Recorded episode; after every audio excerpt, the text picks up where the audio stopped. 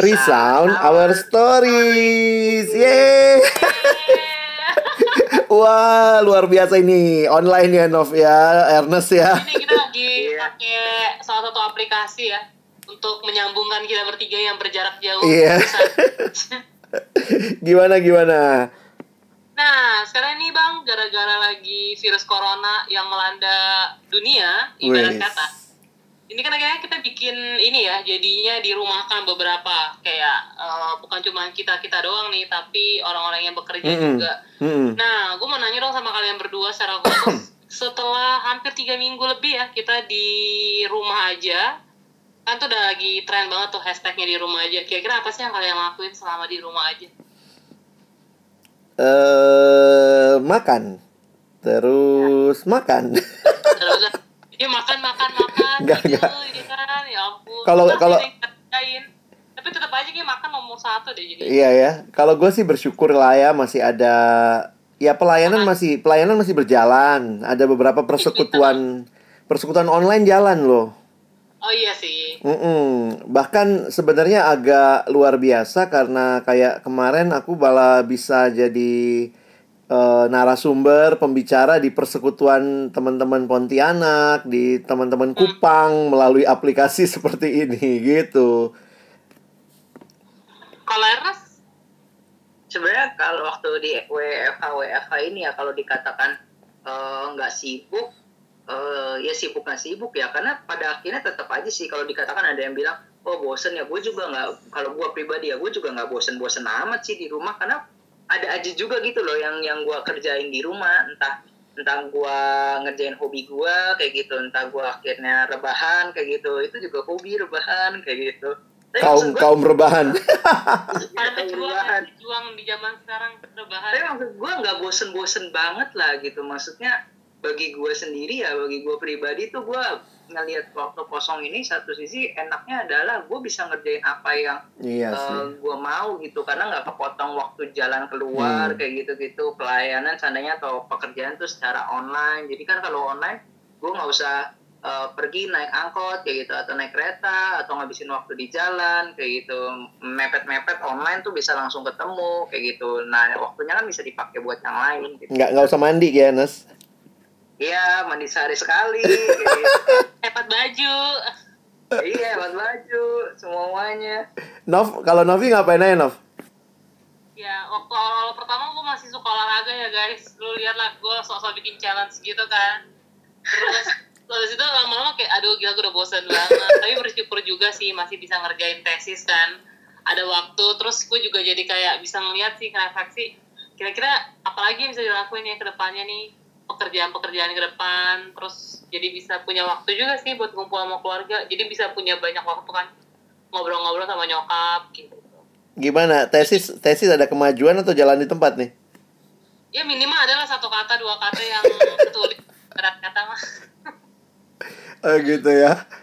eh tapi eh, itu kan banyak ya hal-hal yang bisa kita lakuin maksudnya ada yang bisa pelayanan justru hal-hal yang dulunya kayak kayak agak sulit gitu kan. Misalnya lu di Jakarta tapi lu bisa pelayanan di Kupang. Tapi melalui aplikasi kan akhirnya bisa memberkati ya. Kayak Ernest bisa ngerjain hobinya kayak gue bisa ngerjain tesis misalnya. Kira-kira ada hal apa lagi ya bang bisa kita lakuin selama kita di rumah? Kalau gua ngelihatnya eh mungkin kesempatan juga ya. Gue gue nikmatin juga lah bersama dengan keluarga di rumah. Eh tapi hal yang gue pikir tetap berusaha produktif dalam pengertian begini gitu ya bahwa ada kok hal-hal yang kalau aku akhirnya ngelihat-lihat file-file yang lama mungkin rekaman-rekaman khotbah yang lama terus di dicoba dikelola gitu. Untuk boleh jadi berkat juga buat teman-teman gitu. Selain itu ya gue suka baca.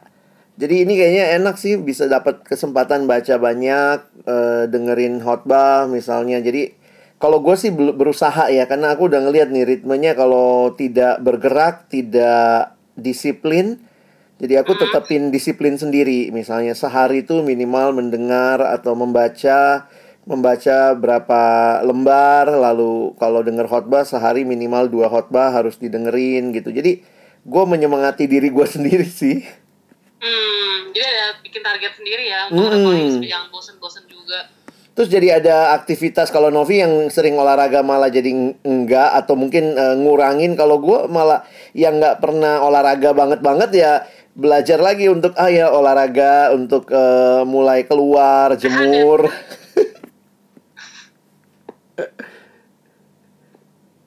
kalau kalau gue sih kayak gitu. Kalau Ernest sih bisa ngeliat nggak ada hal apa sih yang bisa lu lihat di tengah-tengah kondisi yang kayak gini sekarang? Eh, kalau gue sih mikirnya gini ya, ini jadi gue jadi satu sisi pribadi ngelihat ini sebagai waktu untuk mengatur ulang pola hidup sih maksud gue Mhm. gitu. Jadi selama ini yang tadi eh, tadinya kalau bang Alex bilang gue eh, jarang olahraga waktu lagi kerja biasa-biasa gitu, sekarang jadi rutin. Gue tuh jadinya rutin lah olahraga kayak gitu. Jadi Kurus nih kayaknya kalau kita ketemu di bertiga nanti nih. tuh selama gue di WFH ini ya, gue tuh bisa olahraga tuh eh, 30 menit per hari gitu. Hmm. maksudnya Eh, dan, dan dan itu kan awal-awal kan awal-awal WFH ngerasanya wah berat banget gitu gitu awal-awal 6 menit sedikit-sedikit lama-lama gue akhirnya gue rasa-rasa kayaknya udah sampai 30 menit gue kalau mau ke- lanjut lagi jadi satu jam kuat nih kayak gitu udah nggak Mm-mm. terlalu capek lagi gitu nah cuman gue ngerjain yang lain. Tapi satu sisi gue akhirnya jadi belajar lah. Karena kan gue ngeliat oh ternyata polanya begini ya kayak gitu selama WFH ini ya. Ternyata eh, harusnya tuh olahraga 15 menit per hari waktu lagi jam kerja pun kayaknya bisa deh kayak gitu. Minimal mungkin gak 15 menit per hari kali gitu. Atau tapi eh, per minggu ada olahraga tuh kayak gitu. bisa deh kayak gitu gitu. Itu buat gue merenung lagi sih berpikir ulang kayaknya nanti kalau gue udah masuk rutinitas gue akan ngerjain yang ini yang ini yang ini. Satu sisi di masa-masa WFH ini bisa menolong kita membangun habit sih. Habit yang baru juga kayak gitu ya. Nanti mungkin bisa dibawa ke mana tuh? Eh, kalau udah nggak WFH lagi kayak gitu gitu sih. Itu Ke dunia nyata selanjutnya ya, asik dunia nyata Iya, selanjutnya. kayak gitu. Yang sekarang juga nyata kali. Iya maksud gua ke realnya nanti bang. Kalau sekarang kayak masih gimana ya gue bilang bukannya berarti mimpi sih.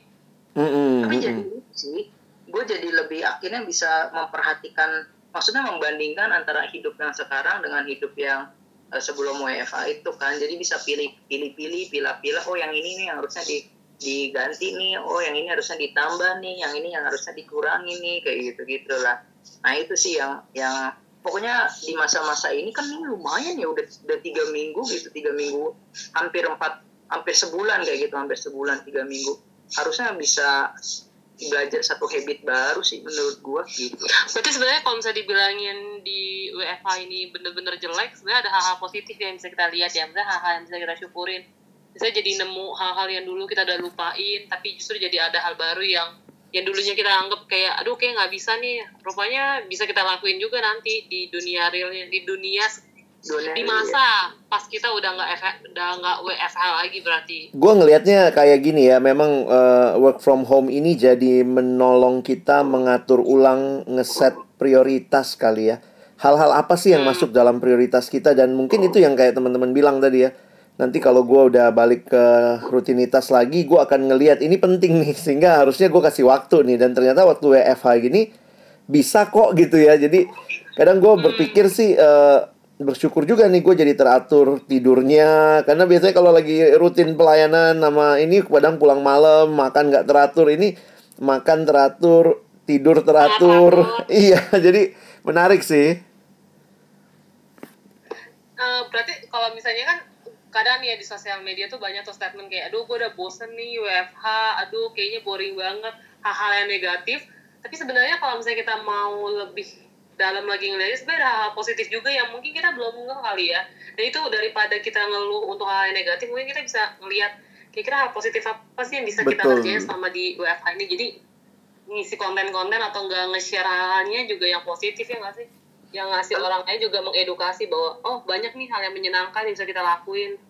Kalau gue sih ngelihatnya gini ya mungkin orang-orang tuh bosen karena satu sisi ya gue ngelihatnya ada beberapa hal sih. Gue ngelihatnya atau mungkin karena mereka bosen ketemu orang-orangnya kayak gitu-gitu aja kayak gitu. Karena kalau waktu itu ada yang nanya ke gue lu bosen nggak? Ya gue bilang bosen nggak bosen. Kenapa? Karena ada aja yang gue kerjain kayak gitu. Hmm. bukan berarti gue tuh kagak ngapa-ngapain di rumah nggak leha-leha doang rebahan doang beneran rebahan betul-betul ngeliatin Instagram ataupun sosmed ngeliatin YouTube.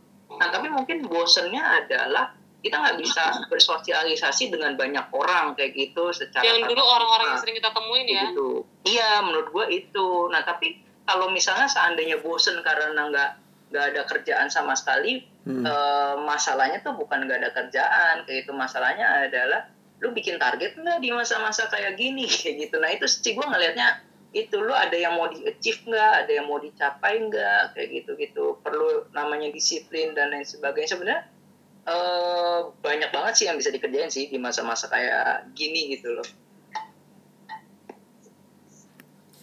Iya, gua gua ngelihatnya akhirnya apa ya? eh, kemarin kan lagi perenungan sedikit tentang waktu. Ada satu kampus juga yang kampusnya Novi nih. Kemarin kita lagi sharing tentang waktu.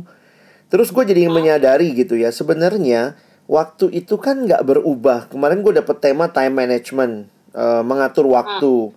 Sementara waktu itu kan nggak berubah sebenarnya. Semua kita punya atau dikasih waktu yang sama oleh Tuhan dalam hal yang lain, misalnya kemampuan, kekayaan, kelebihan, mungkin kita bisa bandingin gitu ya, walaupun jangan dibandingin kan Tuhan nggak minta kita banding-bandingin, tapi kalau kita ngelihat hal-hal seperti itu, kita bisa bilang loh, kok dia dapatnya lebih banyak dari saya, kok dia punya kemampuan lebih baik dari saya. Kita bisa ngebandingin karena memang Tuhan memberikan sesuai dengan kapasitas masing-masing dalam hal-hal yang lain. Tetapi dalam hal waktu, Tuhan tuh ngasih sama semua orang waktu yang sama. Mau kamu eh, tua, muda, cantik, atau jelek, atau apa pun gitu ya. Termasuk gini loh. Waktu kita lagi rutin hidup jalan seperti biasa, seperti yang normal life, dengan sekarang work from home, ternyata yang nggak berubah itu menurut gua waktu loh. Tetap 24 jam, 24 jam sehari. Makanya kesimpulanku akhirnya gini.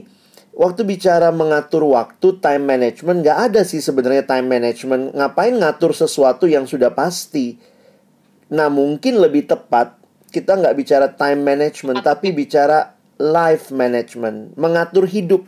Jadi, gimana ngatur hidup kita menggunakan waktu yang udah pasti 24 jam itu per hari. Kira-kira kalau gue akhirnya perenungannya kemarin akhirnya seperti yang Ernest bilang, ternyata dalam masa-masa kayak begini, kalau kita bisa atur diri dengan baik, nggak rebahan terus, ada target, ada hal yang dikerjain juga bisa kok gitu.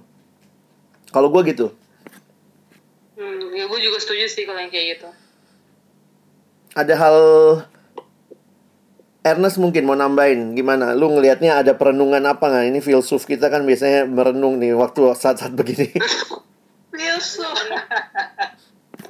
tapi emang banyak sih maksudnya di masa-masa kayak gini ya gue setuju juga ya dengan apa yang dikatakan bang Alex gitu mesti mengatur ritme kehidupan kayak gitu yang diatur tuh hidupnya bukan waktunya bahkan nih ya bahkan ya kayak gitu kadang-kadang gue mikirnya gini ini kan WFA nih harusnya gue nggak kerja keluar kayak gitu-gitu dan lain sebagainya gue aja tuh masih merasa waktu kayaknya kurang ya kayak gitu itu, itu Iya. padahal banyak loh waktu kosong gitu misalnya ya.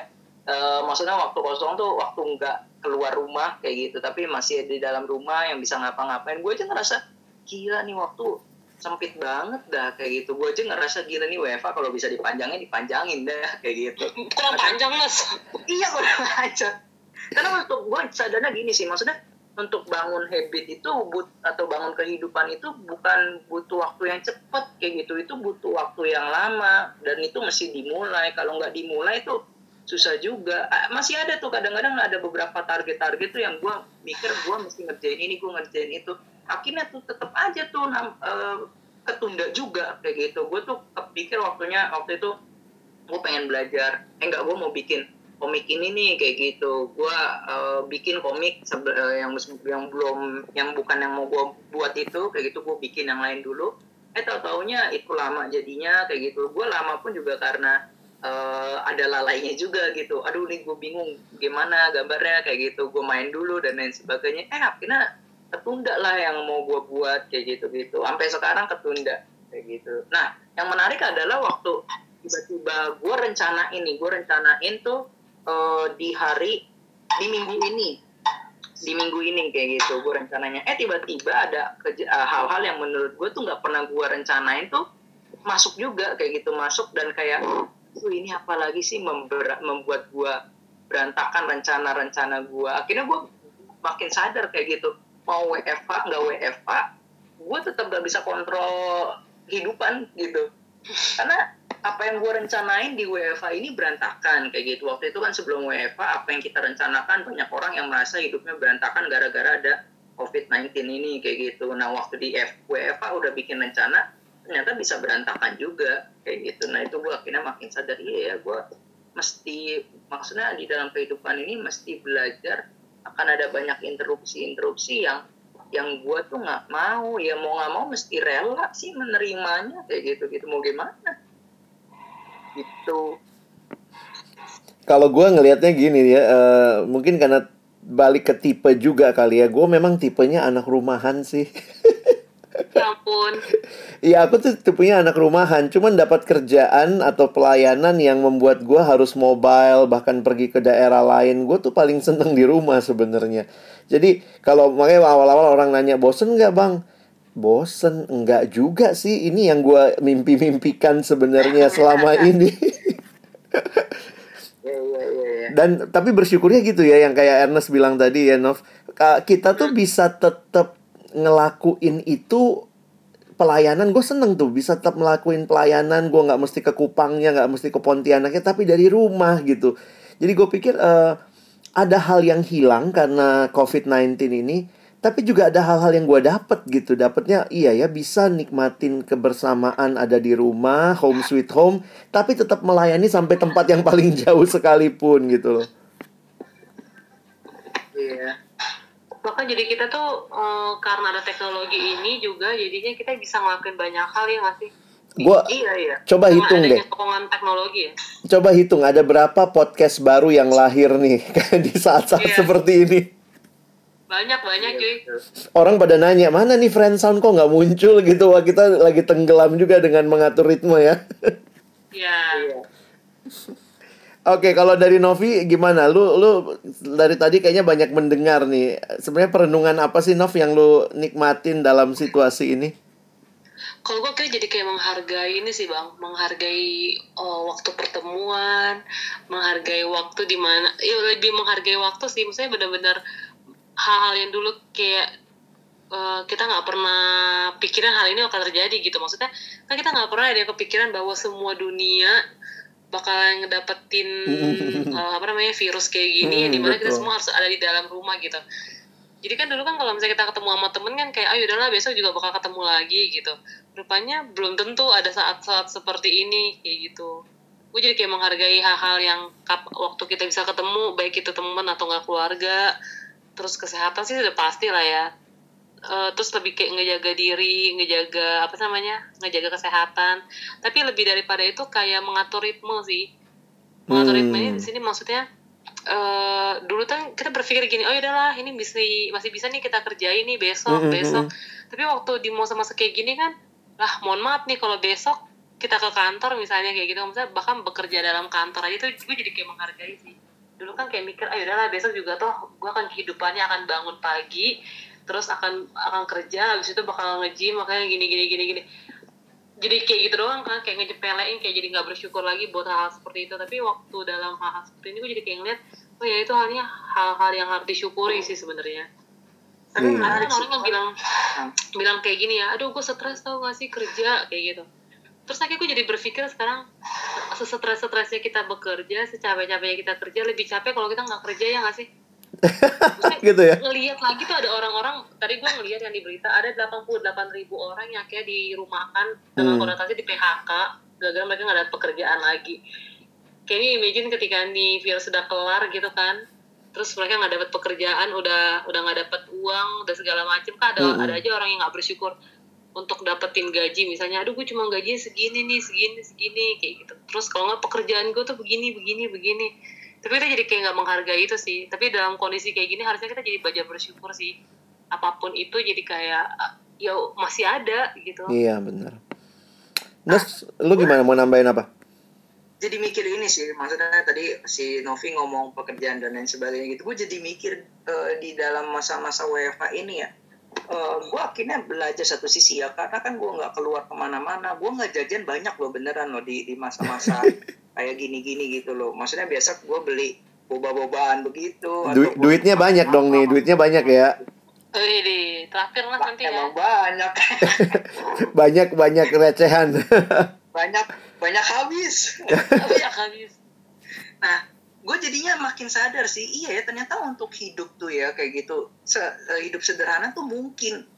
Karena gue akhirnya makin sadar ya dalam artian orang tuh harus di dalam rumah terus kayak gitu gara-gara menjaga dirinya dan kesehatan. Ternyata kita tuh nggak perlu kok gitu untuk pergi ke kafe, kita nggak perlu kok untuk eh, nongkrong minum kopi kayak gitu hanya sekedar untuk menghabiskan waktu di kafe itu kayak gitu dan lain sebagainya yang akhirnya mengeluarkan uh, uang dan Hmm. lain sebagainya ternyata hidup kayak gini pun juga bisa ah, kita ternyata seperti ini aja pun juga bisa hidup nggak perlu ngeluarin banyak uang jajan dan lain sebagainya nggak perlu pergi ke mall kayak gitu untuk untuk ngabisin beli jajanan-jajanan beli barang-barang yang banyak dan lain sebagainya ternyata masih bisa hidup kayak gitu satu sisi gue belajar iya ya hidup sederhana itu mungkin juga kayak gitu itu mungkin bisa dilakukan ya memang ada orang-orang yang eh, masih struggle gitu kan di dalam masa-masa ini juga untuk mencari eh, nafkah dan lain sebagainya betul kayak gitu gue nggak nggak memunafikan hal itulah atau menutup hal itu tapi di lain sisi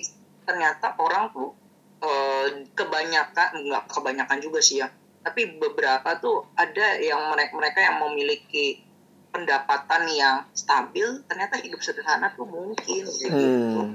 Nah justru kita bukannya malah sekarang masa-masa ini bukannya sekarang kita pakai uang kita untuk diri kita jajan dan lain sebagainya malah kita memberi kepada orang lain. Ternyata bisa gitu hidup yang namanya uh, hanya makanan dan pakaian tuh cukup kayak gitu. Beserta tagihan listrik dan tagihan air tagihan telepon kayak gitu. Nah itu. Kuota kuota ya. kota. Nah, gue nggak nggak pergi jalan-jalan juga gitu, nggak pergi, eh, maksudnya entah ke luar negeri dan memang belum pernah ke luar negeri gitu, atau pergi ke mana gitu ke tempat pak apa wisata dan lain sebagainya. Nah itu itu tuh yang kayak gitu gitu. Oke deh, jadi menarik nih ya diskusi kita. eh tetap lah ya di tengah situasi yang seperti ini, Tuhan nolongin kita juga belajar sesuatu yang yang baru begitu ya. Dan ya nggak berhenti sih untuk berkarya, untuk menjadi berkat buat orang lain. Dan gue garis bawahin yang Ernest bilang tadi juga. Kalau kita belajar hidup sederhana, sebenarnya akhirnya kita bisa juga belajar hidup berbagi kali ya dengan orang lain gitu. Mm-mm. Ada closing statement nggak dari teman-teman sebelum kita tutup dulu supaya teman-teman juga bisa tidak kelamaan dengar podcast kita tapi bisa bekerja. Bekerja. Kalau kata gue sih bikin hal-hal baru sih yang dulunya tuh kita anggap kayak nggak mungkin, yang nggak pernah kita lakuin juga jadi kita lakuin sekarang. Itu kan hal-hal yang positif tapi ya misalnya kayak dulu tuh teman-teman kan misalnya nggak pernah olahraga terus sekarang jadi kayak mau olahraga Hmm. bangun pagi. Terus kalau misalnya biasanya begadang pulang malam ya udah coba sekarang jangan begadang. Supaya besoknya bisa bangun pagi. Gitu sih. Eh, terus misalnya kayak nggak pernah masak di rumah terus sekarang jadi mulai nyoba masak masak masak pokoknya banyak sih hal positif yang mungkin bisa dilakuin daripada cuma sekedar rebahan Hmm, atau nggak benar. main keluar kalau menurut gue Nas gimana Nas? Kalau menurut gua, be kreatif lah in this time ini be kreatif karena ada banyak hal yang eh, bisa dilakukan, jangan mandek. Maksudnya bagi gua tuh eh, seseorang yang kreatif tuh ketika ada masalah kayak gitu, ketika ada tantangan dia bukan yang cuma mengeluh, tapi dia cari cara lain kayak gitu untuk mencapai tujuan atau eh, untuk tidak berhenti kayak gitu di, di atau tidak stuck tidak di masa-masa itu kayak gitu. Jadi eh, pakailah waktu yang ada karena ya waktu itu pemberian ada masa-masa nanti kita nggak diberikan waktu lagi mati maksudnya gitu Serem amat. Lagi gitu balik Oke deh, kalau gue juga ngelihatnya ya ini ini waktu yang Tuhan kasih ya. Mau dengan situasinya kayaknya beda dari biasanya tapi ya tetap Tuhan lagi ngasih kita 24 jam yang nggak berkurang ya pakai dengan baik. Kalau istilah yang digunakan eh, making the most of every opportunity. Pakailah setiap kesempatan yang ada untuk boleh melakukan apa yang Tuhan mau. Oke, segitu dulu kali ya teman-teman. Selamat melanjutkan aktivitas nih. Novi abis ini mau ngapain Nov? Ya mau ngerjain tesis tuh sorenya mau olahraga lagi Wes. ya kan kayak urus aja gitu nanti kalau misalnya ketemu masa kalian doang Nanti Ernest kurus banget. Ernest habis ini mau ngapain, Nes? Habis ini gua mau packing. Oh, packing ya. Wih, mau pergi ya. Wah, social distancing. Jaga keamanan. Terus banget udah nggak jajan olahraga lagi Wah, udah beda banget ya. Jadi berharap ke depan waktu ketemu teman-teman lagi kayaknya kita bisa lihat wajah-wajah yang cerah ceria ya.